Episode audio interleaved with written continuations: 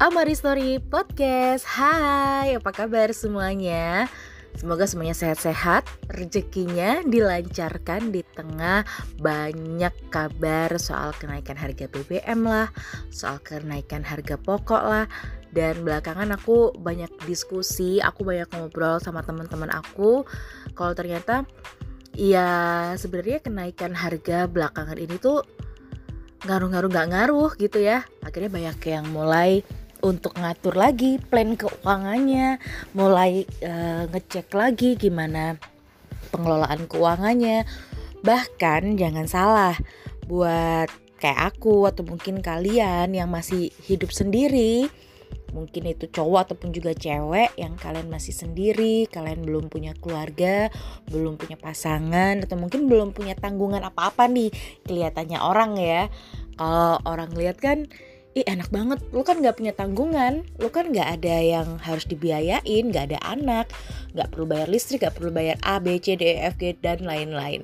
Tapi kalau menurut aku sih jangan dibanding-bandingin juga ya karena nggak seharusnya sih kita membandingkan uh, keuangan seseorang mau itu yang single ataupun juga mau yang udah nikah dan segala macamnya. Karena aku yakin aja sih setiap orang tuh pasti punya uh, pengeluaran yang berbeda-beda di masing-masing perjalanan hidupnya. Bisa aja uh, yang single sama yang sudah berpasangan gajinya katakanlah sama-sama 10 juta, ya kan? Tapi bisa jadi nih, yang single ternyata pengeluarannya juga banyak. Bahkan sebulan bisa aja sampai 8 juta. Terus yang dia bisa saving cuma 2 juta. Terus yang berpasangan dengan gaji 10 juta sama tuh pengeluaran yang harus dikeluarin setiap bulannya misalkan 8 juta terus yang 2 juta baru bisa di saving nah tapi kan kita nggak ngerti ya kebutuhan-kebutuhan itu buat apa buat ini buat itu. Tapi sering kali di masyarakat kita deh karena dalam keseharian gitu itu sering terlontar kata-kata ya kan kamu enak gitu. Gajimu nggak ke mana-mana nggak apa nggak habis buat ini itu buat ini itu buat popok lah buat susu lah. Tapi di sisi lain si, si single ataupun juga mungkin yang sendiri juga pengen ngomong ya tapi kan lo nggak ngerti gue harus bayar cicilan atau mungkin gue udah mulai nabung buat beli rumah, buat bayar KPR segala macam. Siapa tahu begitu atau mungkin harus ngebiayain adik-adiknya mungkin yang masih sekolah, ngebiayain orang tuanya mungkin. Dan itu yang nggak terlihat atau mungkin itu yang nggak pernah disampaikan. Jadi makanya eh, nggak uh, perlulah kita membanding-bandingkan penghasilan kita pengeluaran kita dengan orang lain siapa pun itu. Tapi guys back lagi nih ngomongin soal kenaikan harga yang belakangan ini jadi isu yang banyak menarik banget ini kayak semacam apa ya uh, suatu pola yang mau nggak mau sih harus kita lewatin gitu. Aku sempat ngobrol sama seorang temanku tuh gini mungkin waktu zaman kita kecil dulu ya kita kayak nggak ngerasain gitu waktu mungkin tahun 98 lah waktu Krismon. Inget nggak sih zaman zaman Krismon sampai ada lagunya Cindy Senora? Kalau nggak salah ya Krismon Krisis Moneter nah mungkin zaman itu kita nggak bener-bener kayak ngerasain dampaknya mungkin karena kita masih kecil kita masih anak-anak yang kepalanya pusing kepalanya bingung ya orang tua kita orang-orang dewasa pada saat itu. Tapi di saat sekarang kita emang bukan krismon tapi bahasanya inflasi inflasi inflasi gitu To be honest, kalau menurut aku mending kalian baca dulu deh soal inflasi itu apa, ntar biar pada ngerti gitu. Jadi jangan asal ikutan komen. Aku pun di sini nggak mau ngomong soal inflasi gitu, karena bukan itu konten yang mau aku omongin. Tapi lebih kayak ke gini, mungkin di era yang sekarang dewasa ini kita akhirnya tuh yang kerasa juga apa yang mungkin dialami sama orang tua kita dulu. Mungkin sekarang adalah yang seusia aku, kalian udah berkeluarga, udah punya anak, udah nyekolahin anak, ada yang mungkin anaknya udah dua, tiga ya kan? Kerasa tuh meskipun harga BBM naik, tiba-tiba harga telur naik, kemarin harga minyak juga sempat naik, akhirnya kayak kerasa banget gitu. Wah, ternyata banyak juga ya pengeluaran yang harus dihitung bla bla bla bla bla. Coba deh kita kayak refleksi atau mungkin kita uh, naik ini deh pintu ke mana saja atau mungkin uh, apa namanya tuh punya Doraemon tuh yang bisa pergi ke masa lalu. Nah kita lihat lagi deh orang tua kita zaman dulu. Apa sih yang bisa kita petik? Gimana sih semangatnya orang tua kita di tengah mm, mungkin krisis moneter di zaman dulu ya? Kita sebutnya zaman dulu atau beberapa tahun yang lalu tapi mereka tetap bisa survive. Mereka tetap bisa jangan sampai anak-anakku kelaparan. Meskipun mungkin ada di memori kalian ada di ingatan kalian waktu zaman Krismon. Mohon maaf ya aku juga sering banget banget dapat banyak cerita temenku yang awalnya hidupnya berkecukup berkecukupan. Tiba-tiba kayak roda yang berputar ada di bawah. Bahkan makan cuman sama telur itu aja dibagi tiga sama saudara-saudaranya sama adiknya sama kakaknya gitu. Ada yang juga mie sebungkus itu dimakan buat berempat sama bapak ibu sama adiknya. Ada yang kayak gitu. Itu memori yang bisa jadi nggak akan terlupakan ya. Ada juga yang mungkin ya masih stabil gitu kan masih aman keuangannya tapi mungkin harus berbeda tidak senyaman yang sebelumnya. Banyaklah case-case yang seperti itu. Tapi coba deh kita renungin lagi, kita kembali lagi, kita flashbackin lagi, kita coba riset lagi di masa kita yang sekarang. Senaik-naiknya harga zaman sekarang, selama kita masih beruntung, selama kita masih bisa makan, bisa jajan, bisa beli paket pulsa data, masih terlindung dari panas, hujan, angin, rumah kita masih aman, kita masih bisa bayar cicilan rumah, kita masih bisa bayar cicilan mobil, kita masih bisa ngejajanin anak-anak kita Kinder Joy. Atau mungkin beli promoan di McD gitu kan. Rasanya tuh kayaknya uh, penuh dengan rasa syukur gitu loh. Kita harus bener-bener blessing banget, kita harus bener-bener punya rasa syukur yang luar biasa gitu karena mungkin yang dialamin sama orang tua kita zaman dulu ya otomatis jelas pasti berbeda lah sama apa yang kita alamin. Tapi coba deh ini jadi refleksi buat diri kita. Kalau kita cuman ngeluh, kita cuman uh, aduh ini kok naik sih belanja ke ini biasanya dapatnya segini segini segini tapi sekarang begitu begitu begitu begini gitu. Kenapa nggak kita kayak cari solusi? Kenapa nggak kita cari kayak jalan keluar gitu loh? Kita cari uh, apa sih yang bisa bikin kita bertahan ini kayak hmm, mungkin hitung-hitungan sederhana ya dari banyaknya kenaikan harga belakangan ini yang kita awalnya dulu belanja atau beli ini belang belang belang belang apa sih belang belang kayak yang iya beli beli beli beli beli gitu keluarin duit keluarin duit keluarin duit gitu tapi sekarang kayaknya kita harus diminta untuk refleksi diri coba deh buka lagi catatan keuangan kita. Kapan sih terakhir kali kita mencatat uh, keuangan kita?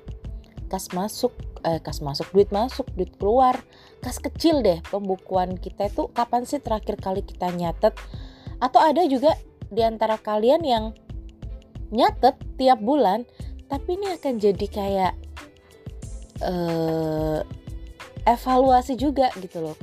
Wah, pos mana nih yang bisa diakumulasikan?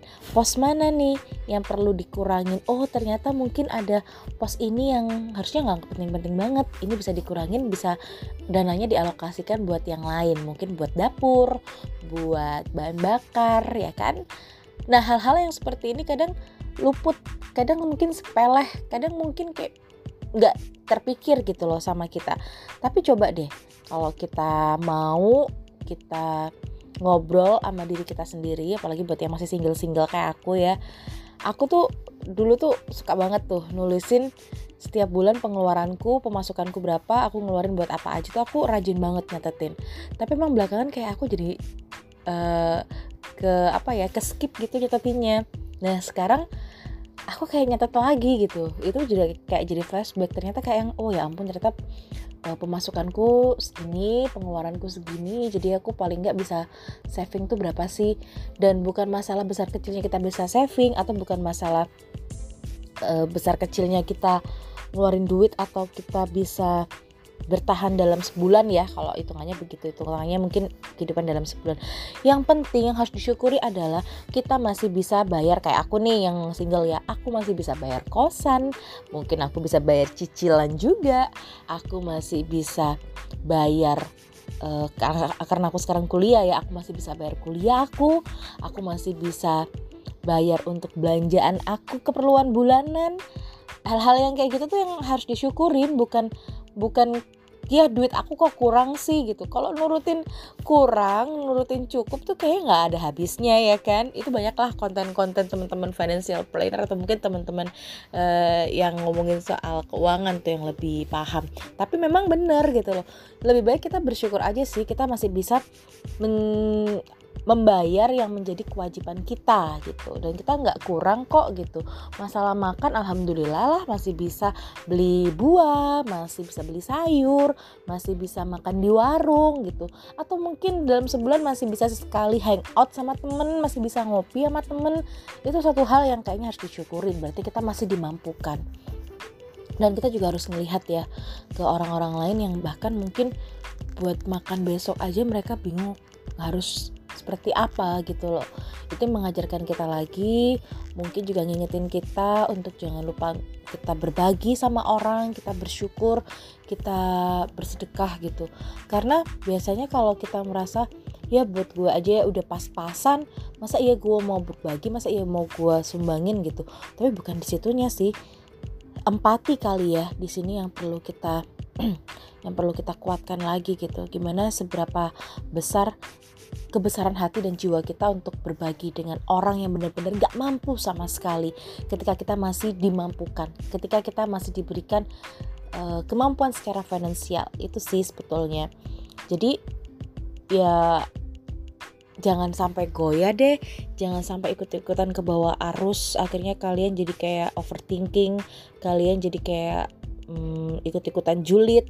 Kalian jadi ikut-ikutan kayak head speech no please don't do that. Jangan sampai lakukan itu tapi lebih ke refleksi diri aja. Kita coba cek lagi hmm, buku kas kecil kita. Atau mungkin kita cek lagi gitu. Apa nih hal-hal yang mungkin bisa kita kurangin? Hal-hal yang mungkin bisa kita uh, ya compare gitulah apa nih yang bisa kita lakukan? Mungkin kayak kalian mungkin mau coba-coba bikin uh, ya prakarya prakarya kecil jajan-jajanan kecil yang mau kalian jual ke teman-teman kalian atau apa pun lah itu. Banyak kok cara-cara untuk kita tetap bisa bertahan untuk kita bisa uh, keluar dari situasi dan kondisi seperti ini. Aku yakin sih ini nggak selamanya ya. Ketika nanti udah stabil lagi ya aku yakin sih semua akan kembali stabil gitu. Ya ketika misal harganya emang udah di angka segitu BBM harga pertalite 10 ribu misalkan dia nggak akan turun lagi dia di harga itu bahkan bisa jadi naik lagi segala macem. Ya aku percaya aja kita masih dimampukan untuk bisa beli BBM kita masih dimampukan untuk bisa beli telur kita masih dimampukan untuk bisa beli minyak. Kalaupun emang udah nggak bisa sama sekali tuh di sekeliling kita alam itu udah ngasih banyak hal buat kita. Apa sih kemarin yang sempat dibahas itu? Uh, semesta war. Eh aku salah nggak ya? Mungkin aku salah. Tapi memang benar sih. Bagaimana cara kita untuk bertahan hidup itu udah kayak jadi otomatis gitu loh udah autopilot banget. Buat teman-teman semuanya sebenarnya konten aku nih uh, mungkin agak rancu atau apa tapi intinya aku mau kasih semangat buat kita semuanya di tengah nggak ketidakpastian ini mungkin di tengah ketidakmampuan finansial kita bahkan mungkin ketika buka dompet duit cuman tinggal recehan tinggal lima ribu bahkan mungkin tinggal dua ribu bahkan ada yang nggak ada duit sama sekali di ATM ataupun dompet aku pun pernah kayak gitu. Tapi jangan lupa yang paling penting adalah tetap bersyukur karena banyak orang-orang baik di sekitar kita pun yang juga akan bantu kita. Yang paling penting adalah lakukan hal yang terbaik.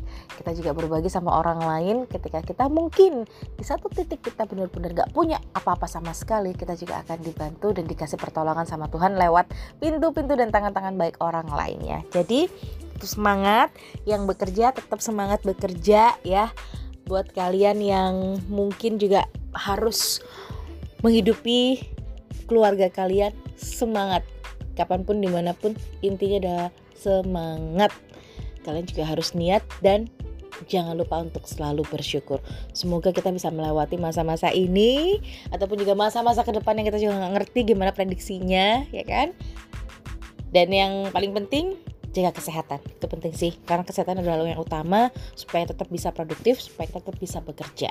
Thank you guys mau dengerin podcast aku kali ini udah mau dengerin Amari Story.